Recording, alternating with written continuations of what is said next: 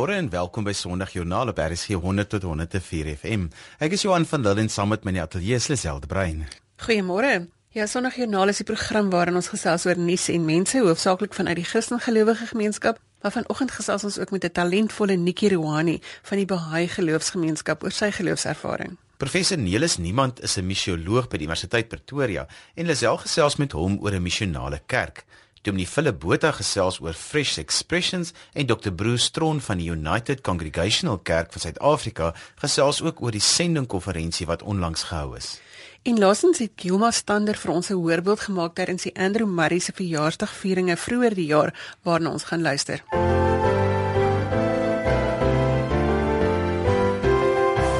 Professor Nelis Niemand is 'n misioloog van die Universiteit van Pretoria en voorsitter van die Algemene Sinode se moderatuur en hy sluit vanoggend by ons aan om te gesels oor hoe 'n kerk lyk wat in liefde uitreik na ander gemeenskappe. Goeiemôre Nelis. Goeiemôre, dit is lekker om met al die luisteraars ook te kan gesels. Nelis, die idee van 'n missionale kerk is wêreldwyd nou op al die agendas en is amper 'n tipe van 'n modewoord op almal se lippe. Geef ons 'n verstaanbare definisie van wat dit beteken. Ja, dis partykeer moeilik om 'n definisie te gee want dit is eintlik 'n soort lewenstyl, maar kom ek verduidelik dit so. 'n Missionale kerk is eintlik 'n kerk wat besef dat die sendingstasie is nie 'n plek ver weg in 'n ander land of in 'n ander kultuur nie, maar dat die die hele plaaslike gemeente en gemeenskap is eintlik die plek waar 'n gemeente sy invloed laat geld en die goeie nuus bring.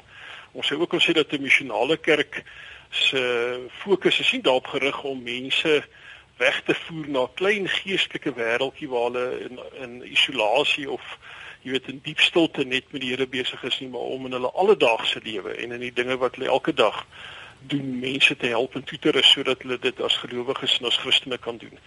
'n uh, Missionale kerk gaan dus van die uitgangspunt uit dat God werk in sy skepping, dat die Here aktief betrokke is by die leefwêreld waarin ons elke dag is en een van die belangrikste eienskappe van 'n uh, missionale gemeente is die groot klem op onderskeiding om eintlik saam met mekaar vas te stel waar werk God en hoe kan ek deel wees van die groot en wonderlike en liefdevolle dinge wat die lewende Here doen. Nou wat sal so 'n gemeente anders maak as 'n gewone gemeente nie is? Ek dink uh, mense sou nogal by so 'n gemeente 'n groot sensitiwiteit kry vir die omgewing.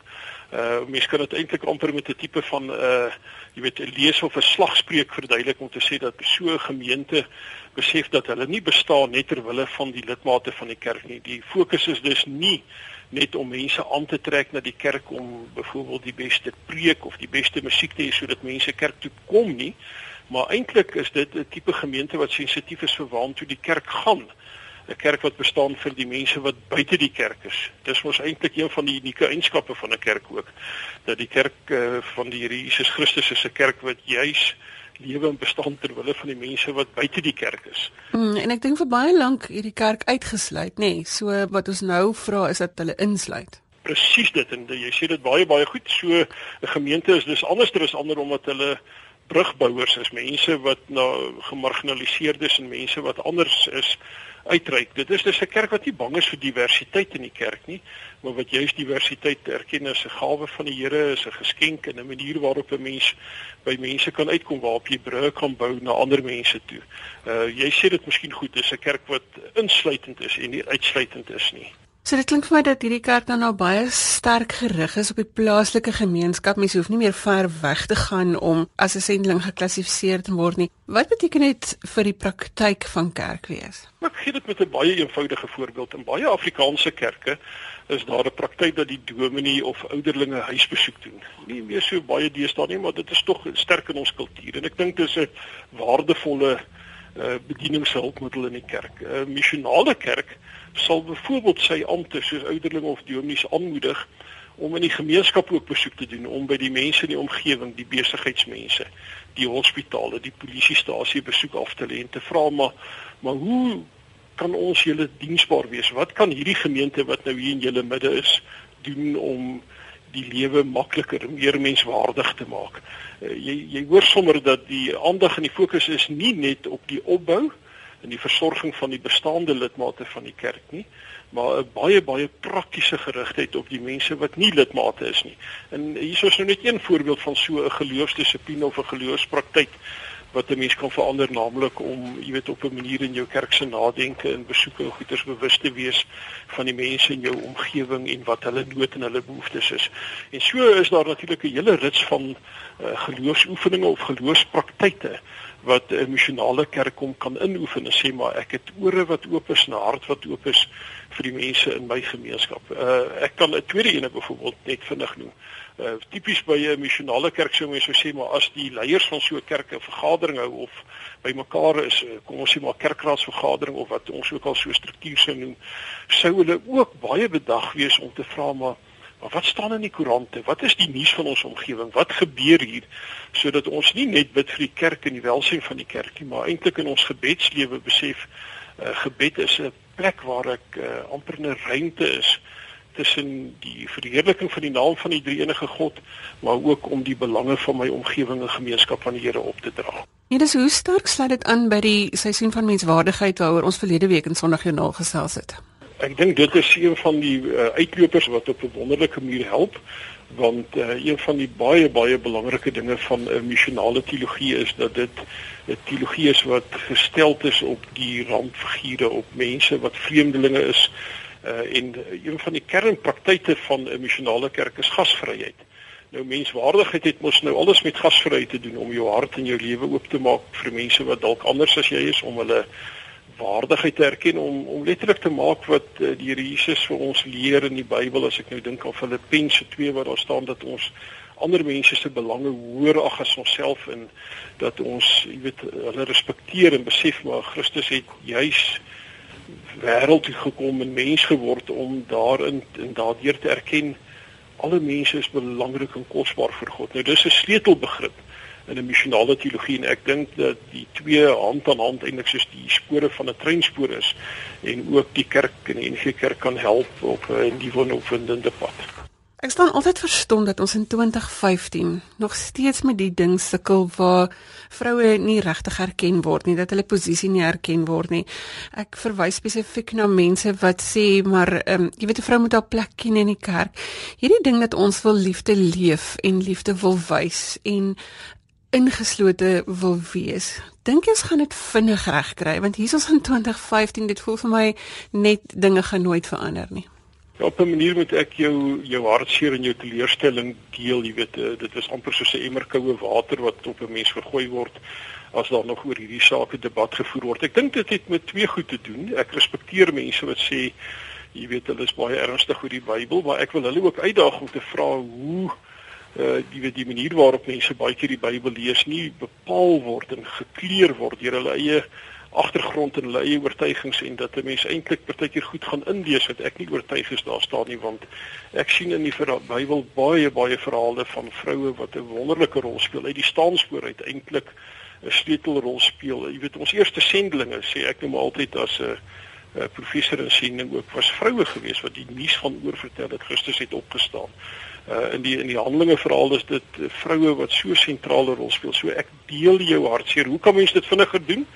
Uh, ek dink een ding is om die wonderlike verhale te vertel wat nou ook in gemeentes afspeel oor die besondere rol wat vroue speel. Dit is uh jy weet veral in Afrika uh, wil ek amper kategories sê dat die vroue is van die as as 'n enkele groep mense wat geweldige groot rol speel in die kerk en die die voordra van die evangelie. Uh, maar dat ons soort van op 'n manier moet wakker word en ek wil amper sê tot ons sinne kom uh, is gewis. Dit was professor Nelis Niemand van die Universiteit van Pretoria wat ons gehelp het om te verstaan wat 'n missionale kerk is en hoe dit in 'n gemeenskap 'n verskil kan maak. Nelis, dankie dat jy saamgesels het. Baie dankie en 'n mooi Sondag vir julle. As jy sopas ingeskakel het, sê ons goeiemôre en welkom by Sondagjoernaal op RSG 100 tot 104 FM. Gaan loer gerus op RSG se webblad by rsg.co.za vir inligting oor ons program en ook vir die res van RSG se programskedule vir vandag.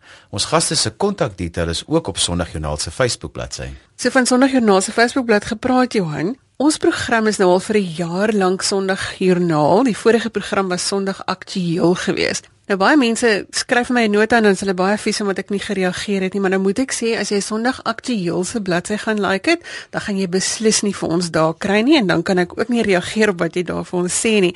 So maak seker jy like die bladsy Sondag Joernaal. Ons gaan luister na musiek. Vertikaal sing vir ons meer as woorde. Meer as woorde, meer as tong en lippe taal. Bring ek voor U met 'n passie, met iets wat brand in my. Sing ek vir U.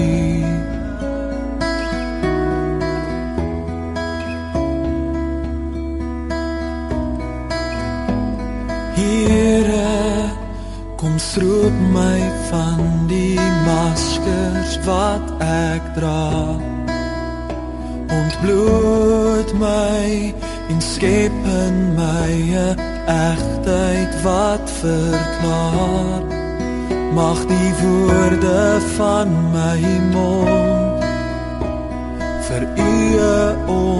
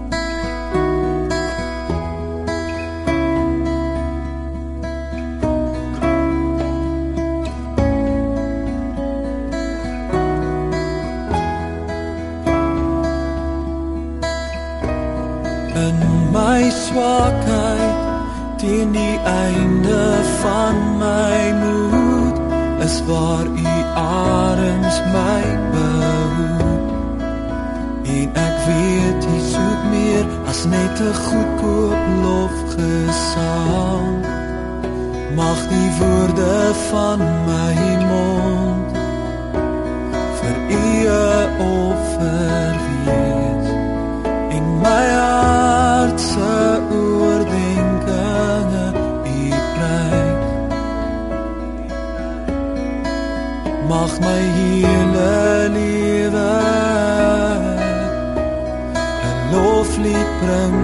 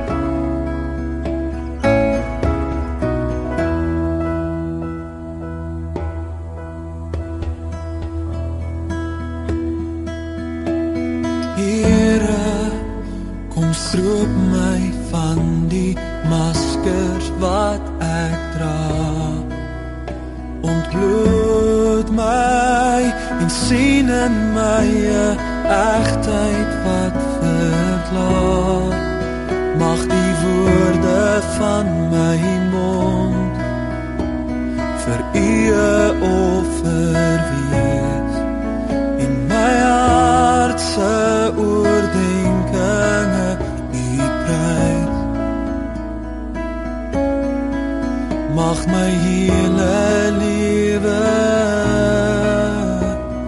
'n loflied bring aan U. Want dis alles alles tot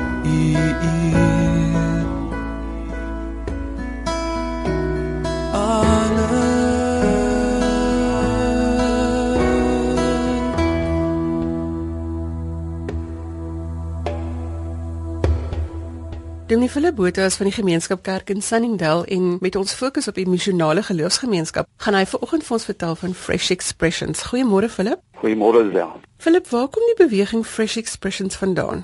Bietjie uh, Lisel, dis baie interessant in in Engeland uh, daar die afgelope 20 jaar 'n beweging ontwikkel na aanleiding van twee groot verslae wat voor die Anglikaanse en die Methodiste kerk gedien het. In 1994 het 'n verslag gedien waarin hulle gekyk het na die dalende lidmaattal in die dalende erediens bywoning en gemeentes. En toe het hulle besef maar hulle sal iets drasties moet doen daaraan. en ook gekyk na die veranderde lewenstyl van mense en so het hulle uh, besluit op 'n strategie en dit is naamlik kerkplant.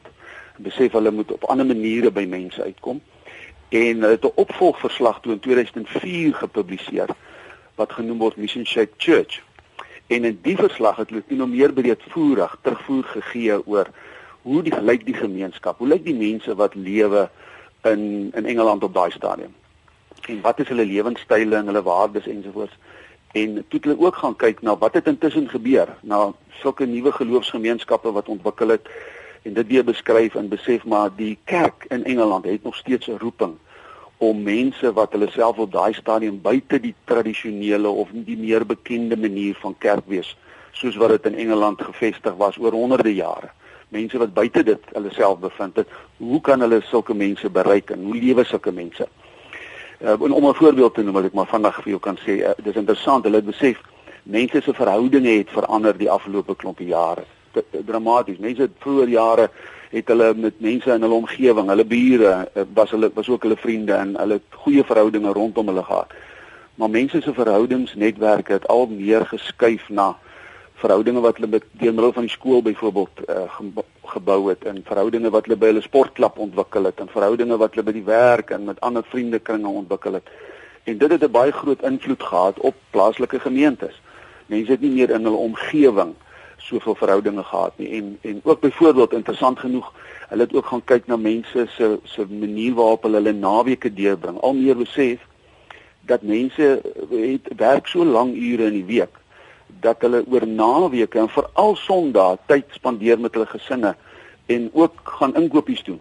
So met ander woorde mense het al minder tyd gehad om kerk toe te gaan. Byvoorbeeld 'n derde ding wat in die verslag interessant genoeg na vore gekom het, is dat hulle besef dat ons gemeenskappe verander het van homogene gemeenskappe na heterogene. Met ander woorde dat dis nie net een soort kultuur wat in 'n omgewing gebly het nie, maar dit allerlei verskillende mense met verskillende kultuuragtergronde in gemeenskappe ingetrek.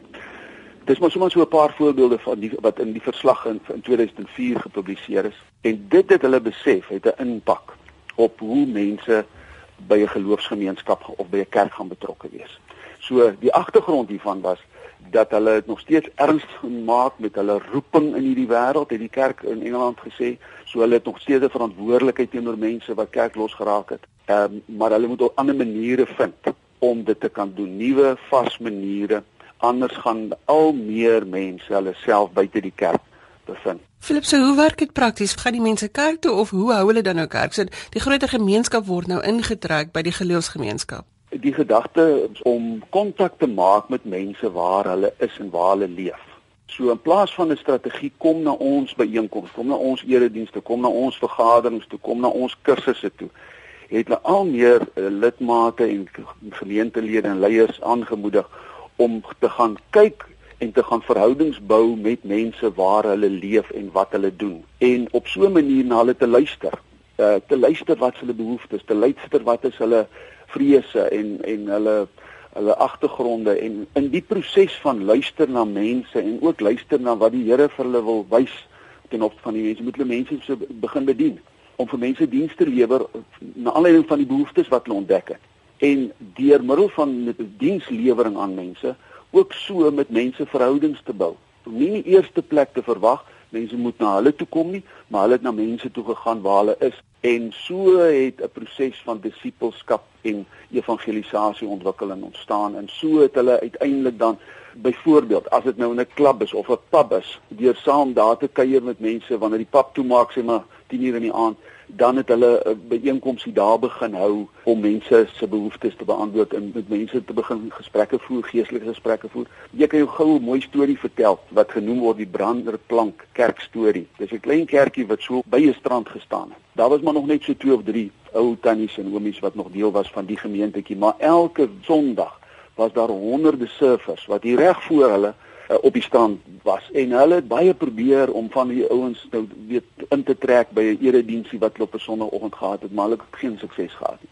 Toe op 'n dag toe besluit hulle kom ons gaan vra vir hulle wat se behoeftes het hulle. En toe ontdek hulle maar hulle het nie behoorlike storte nie. Hulle het nie uh, behoorlike kuierplekke nie. Hulle het toilette wat wat beter is as die wat daar op die strand kan. En toe besluit die paar mense, hulle gaan hulle kerkgebouetjie verander dat hulle kuierplek en 'n ontspanningsplek en 'n plek waar hulle goed kan bære en eh, kan lekker kan stort en so aan. En weet jy, ewe skielik het daai gebouetjie net een groot besige plek geword en tot op 'n stadium toe van hierdie service vir hulle vra maar dit sou nou vir hulle lekker wees as hulle op 'n sonoggend voor hulle nou begin branderplank ry. Sal dit nou vir hulle verskriklik lekker wees as hulle maar net so bietjie kan bymekaar kom en 'n so geestelike ervaring saam hê. En so het 'n nuwe geloofsgemeenskap ontstaan maar jy hoor nou op 'n ander manier as wat ons in die bestaande bekende manier van kerkwees dit gewoonlik gedoen het. Nou, wat kan ons leer uit hierdie beweging uit? In eerste plek het ons besef ons sluit teologies met ons missionale eklesiologie of missionale teologie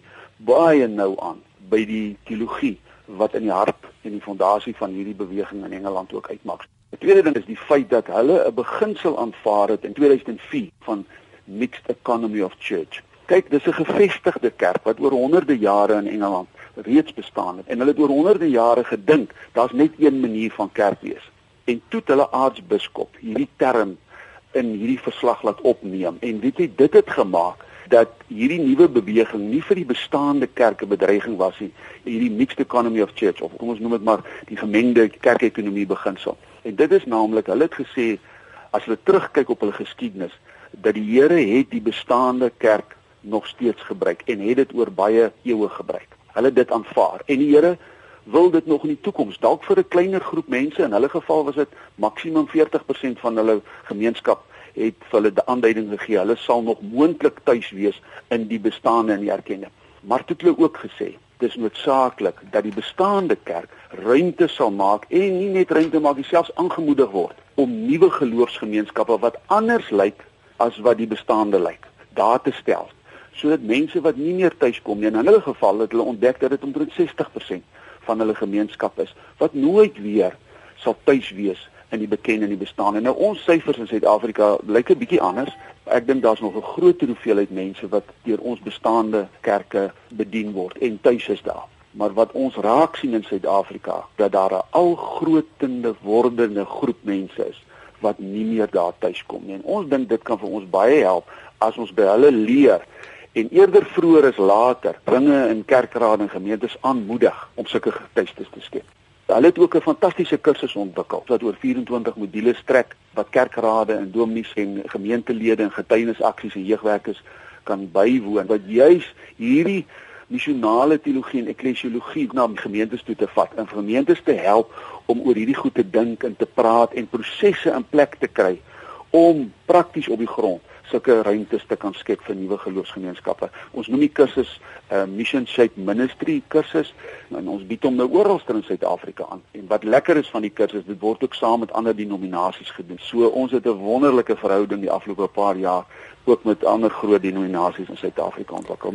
Dit was Demi Philip Botha wat met ons gesels het oor 'n nuwe manier van kerk wees en as jy meer inligting wil kry oor die kursusse wat aangebied word of net by hulle wil hoor hoe dit werk, kan hulle gekontak word by die Communitas kantoor van Stellenbosch Universiteit. Die nommer is 021 808 9060. Ek gaan die nommer herhaal, dis 021 8089060. Philip, baie dankie dat jy vanoggend met ons saamgesels het. Baie dankie, ek waardeer dit heerlik geweest. Jy luister na RSG 100 tot 104 FM en die program is Sondagjoernaal.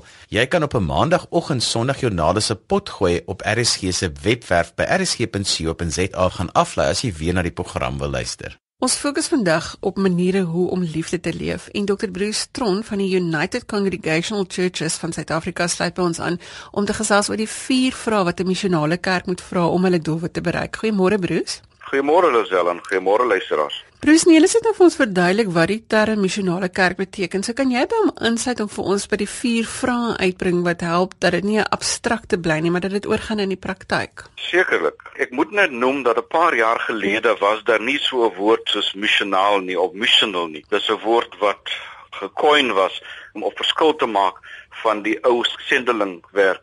En ons het interessante sprekers gehad internasionaal en professor Jerry Pelay in die besonder het vir ons met vier vrae gelos vir nadenke. Byvoorbeeld, wat is die missional context? What is God already at work doing in the world and in the context? Derdens is what is God calling us to? And vierdens, how can we do what God is calling us to do? So die vraag lei daartoe of trek Christene aan om kreatief te wees. Ons sens byvoorbeeld 'n hele nuwe verrassende beweging van God se gees. So af en toe hoor mense mense praat van hulle is bekommerd oor die kerk, maar die kerk staan al vir 2000 jaar, so ons kyk na 'n nuwe uitdrukking van kerk wees. En die feit dat die kerk nou anders lyk as kom ons sê 40 jaar gelede is nie noodwendig 'n slegte ding nie. Geheel en al nie. Ek dink dis veral opwindend.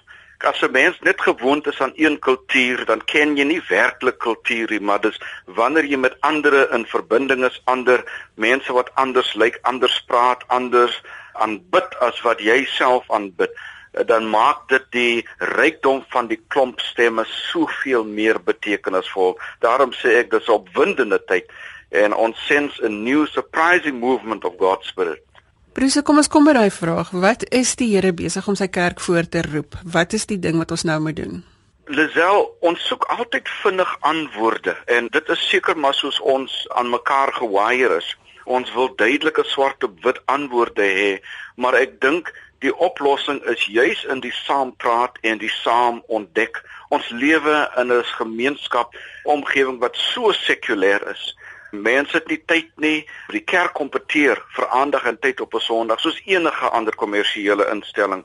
So ek dink die eerste stap is dat mense nou begin saampraat, miskien oor verskille. Wat doen uh, hulle verskillend? Wat die uitdaging is daar om in mis, miskien kan ek so sê die kerk het 'n gemaksigtige bediening gehad vir 'n hele klomp dekades. Nou is dit moeilik en nou is dit in die saampraat en die saamgesprek wat ons ontdekkings maak en ek dink dit is wat dit uh, soveel meer surprising maak dat God weet wat dit inhou ons is besig om dit te ontdek ons moet as ware die geskenk nou uh, geskenkpakkie oopmaak Bruce, julle het die konferensie gehad oor die missionale kerk, maar julle het binnekort ook 'n konferensie oor die Calvynse liturgie. Vertel ons kortlik daarvan. Dis nog 'n opwindende werkswinkel wat ons het. Dit is beplan vir die 17de tot die 19de Maart. Kan net nou verwys na die verskillende denominasies, verskillende kerke denominasies hulle aanbid verskillend. Uh sommige het 'n meer contemporary expression, ander is in baie meer stilte terwyl ander kerktradisies weer 'n baie meer formele liturgie uh, volg.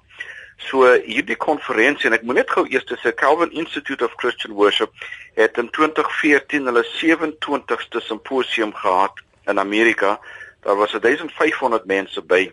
En na afloop van daardie konferensie het hulle besluit die volgende een moet in Suid-Afrika wees en hulle gee vier van hulle personeel uh om die kursus saam met ons uh, deur te voer met die verstandhouding dat 67% van van Suid-Afrika se kerkleiers en akademici moet betrokke wees. Die die venue is by die Helderberg NG Kerkgemeente in Somerset West. Die programme sal reeds saamgestel. Ehm um, wat eintlik vir kerke baie mooi gaan help is as hulle met 'n span kom. Want sekere van die werkswinkels loop parallel en jy gaan nie by almal kan uitkom nie. Met ander woorde, julle nooi gemeentes of kerke of kerkleiers van reg oor die land na hierdie konferensie toe. Dis nie 'n gelokaliseerde ding nie. Nie heeltemal is wel. Ons kan nou ongelukkig nie oral op dieselfde tyd wees nie of verskillende tye nie. Die sprekers gaan hier gebaseer wees en ehm um, ons het al reeds navraag navraag gekry van dwars oor die land. So dis vir kerkleiers, predikante, gemeentelede, worship leaders, ehm um, sodat ons al daardie stemme ook teenwoordig kan hê dat dit dat hulle daarby kan leer en baat vind ook. Dit is Dr. Bruce Stron van die Ecclesia by die Universiteit Stellenbosch en hy is van die United Congregational Church in Suid-Afrika. Bruce, baie dankie dat jy saamgesels het. Gee gou ons kontakdetail van waar mense inligting kan kry oor die Calvin konferensie. By Ecclesia op die webblad ecclesia.ac.za. E K K L E S I A. Goed, ek gaan dit weer spel. So dis E K K L E S I A ecclesia.co.za. Dankie Bruce dat jy vanoggend saam met ons gesels het. Dankie Lisel. Totsiens en seënwense vir die luisteraars ook.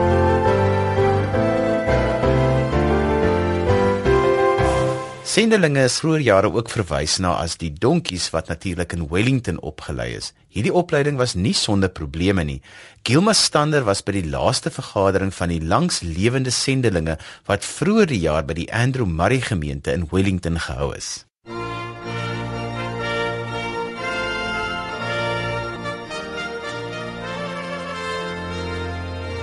Die Andrew Murray Kerk vertoon majestueus aan die bopunt van Kerkstraat teen die bleekblou van die vroeë winteroggend.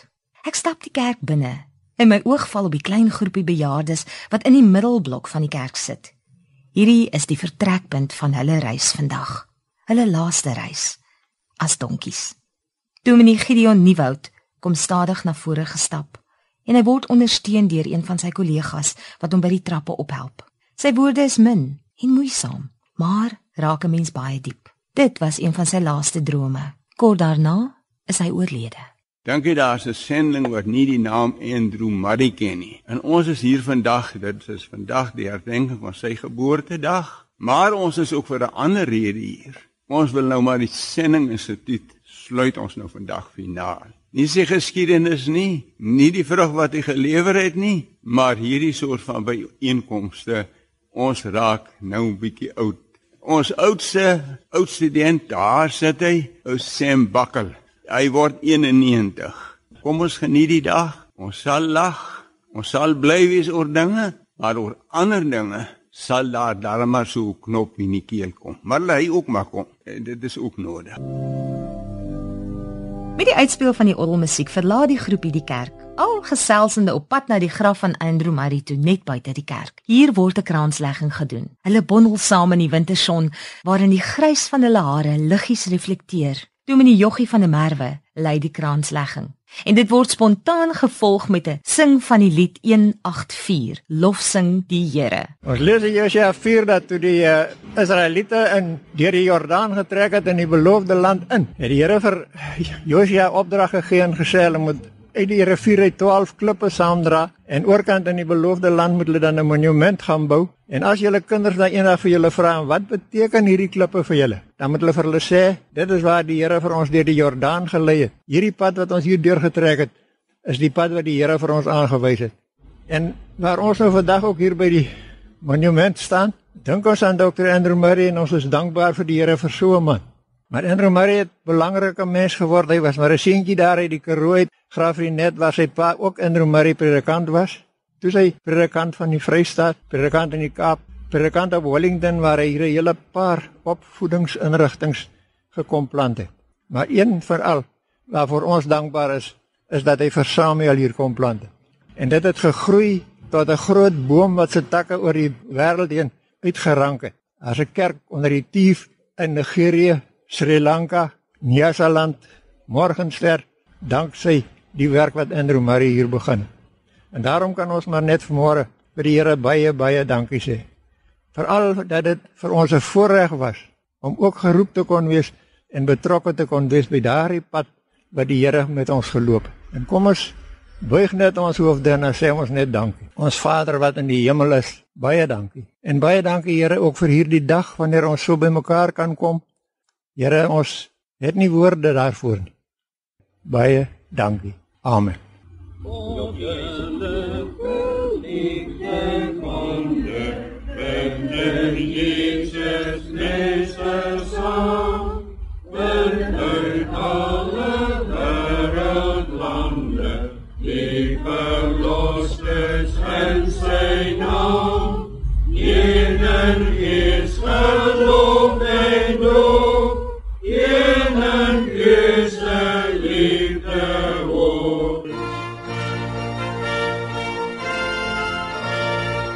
Steeds geraak deur die oorgawe van die uitbundige sang, ry ek na die parkeerruimte van die laaste halte van die verrigtinge. En van oral af stap groepies lagend na die Andrew Murray Jubileesaal toe vir 'n koppie tee en 'n soedingetjie.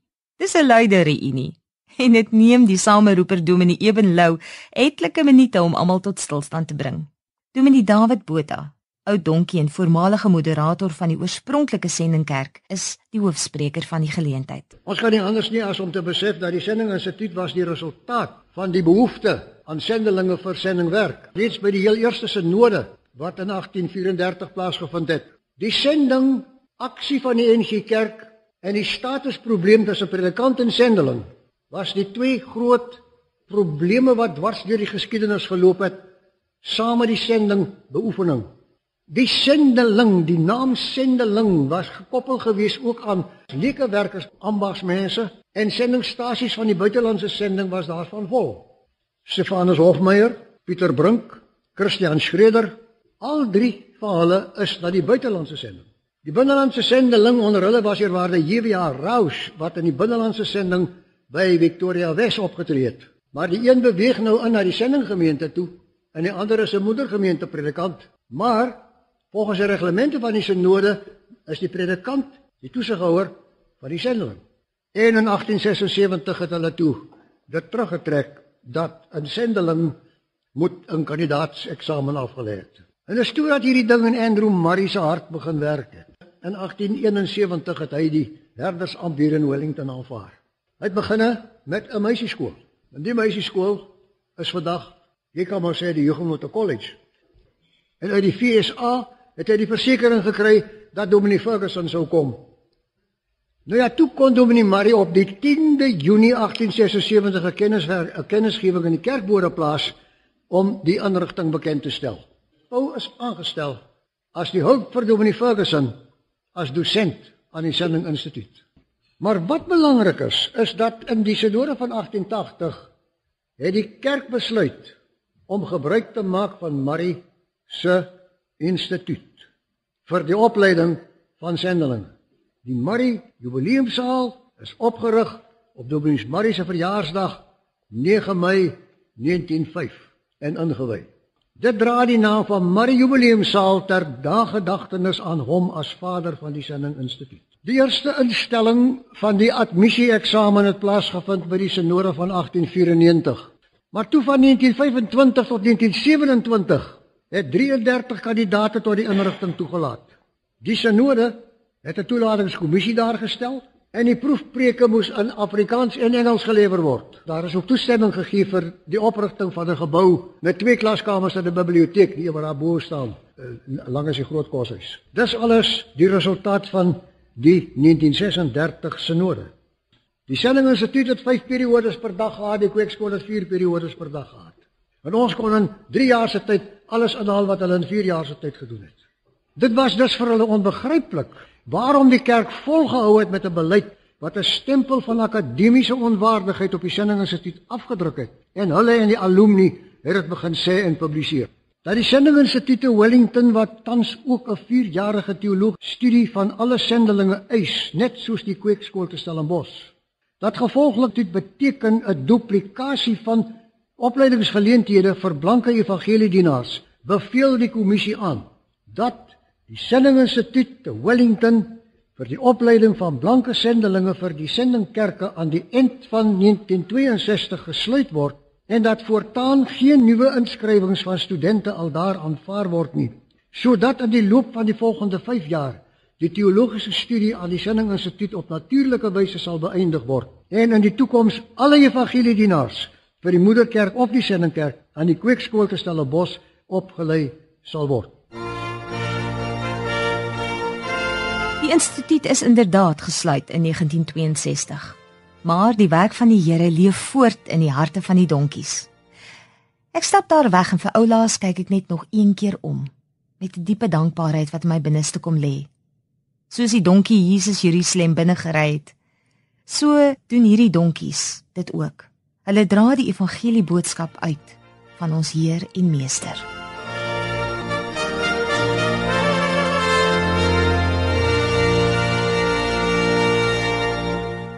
Dit was Gilma Stander met 'n voorbeeld oor die laaste bymekaar kom van die sogenaamde donkies, 'n stuk geskiedenis wat nou afgesluit is.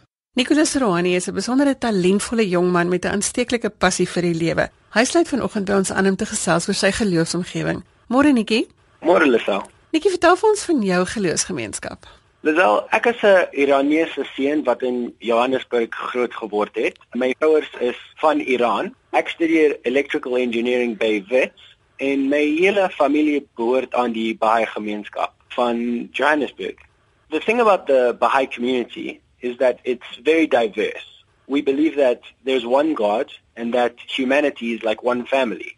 So die gemeenskap in Suid-Afrika en rondom die wêreld is baie divers. We have Baha'is of many different cultures, races and backgrounds and our main principle in the Baha'i faith is unity we believe that the entire world can become united and we can live together and celebrate each other And so Baha'is work in the community and we serve the community with that goal in mind. Nikki, in na matriek het jy 'n tempel gaan help bou in Chili. Vertel vir ons daarvan. Ja, uh aangesien ons glo dat diens aan die mensdom die allerbelangrikste is, neem talle baie jeugdiges 'n jaar na matriek en gaan gemeenskapsdiens doen. Uh my neef en ek het ons gelukkig geag om na Chili te gaan en help met die bou van die vastelandse Baha'i tempel. Daar is baie tempels op elke vasteland in New Delhi en Chicago en hierdie is die laaste een uh, vir Suid-Amerika. Ons het handarbeiders aan die bouprojek gewerk en dit was een van die mees ongelooflike ervarings van my lewe. Die tempel is 'n plek vir alle mense, Baha'i of nie, waar hulle vreedsaam kan bid en bepens. Die tempel word heel naby een van die armer beurte in Santiago opgerig en ek het gesien hoe hierdie projek die omliggende gemeenskap verander het dit het hulle bymekaar gebring en hulle gemotiveer om hulle eie gemeenskap te verbeter. Met die hulp van sommige van die Baha'is wat die gemeenskap dien, uh, het hulle klasse begin vir die morele en geestelike opvoeding van hulle kinders en jeugdiges. Die jaar was 'n verrassende ondervinding en ek sal nooit dit vergeet nie. Nikki, hoe het die ervaring jou geloofslewe beïnvloed? Die ervaring was uniek want for me, I think the Baha'i faith is really what I base the way I live my life around. Die beginsels van die Baha'i faith, like education and the value of people and loving other people and serving the community is what I base my life around. So when I got to go to Chile and I got to see all of these other people who I've never met who they don't even speak the same language. They don't speak English or Afrikaans. They only speak Spanish and I got to see that there are other people around the world who believe the same things as I do, who believe in the oneness of humanity, and just to see the way that they also kind of put their effort and work and love into this project, um, it was incredible for me. And so I kind of got to see how the Baha'i faith is kind of all around the world, and I think that really encouraged me in both in my belief and also in how hard I work to continue to work for the Baha'i Faith. And to work for the good of my community here in South Africa. In my year of service, I got to see how the Baha'i Faith has grown to different countries. I also appreciated a lot more the fact that the Baha'i writings and like Baha'i prayers and things have been like translated into many different languages and even in South African languages. And I actually um, have a Baha'i prayer book and there are Baha'i prayers that have been translated into Afrikaans and I wanted to share one with you. Dis vir eenheid. O my God, o my God. Verenig die harte van u dienaars en openbaar aan hulle u groot voorneme. Mag hulle u gebooie volg en u wet berus. Help hulle o God in hulle strewe en gee hulle sterkte om u te dien. O God, laat hulle nie alleen staan nie maar lei hulle voetstappe met die lig van u kennis en verbly hulle harte met u liefde. Voorwaar, u is hulle helper en hulle Here. Netjie baie dankie dat jy vanoggend jou tyd met ons gedeel het en dat jy 'n bietjie jou geloof met ons gedeel het en ek wil vir jou sê jy het so mooi deurgedruk met die Afrikaans dat ek in Farsi vir jou moet sê Geli Mamnun.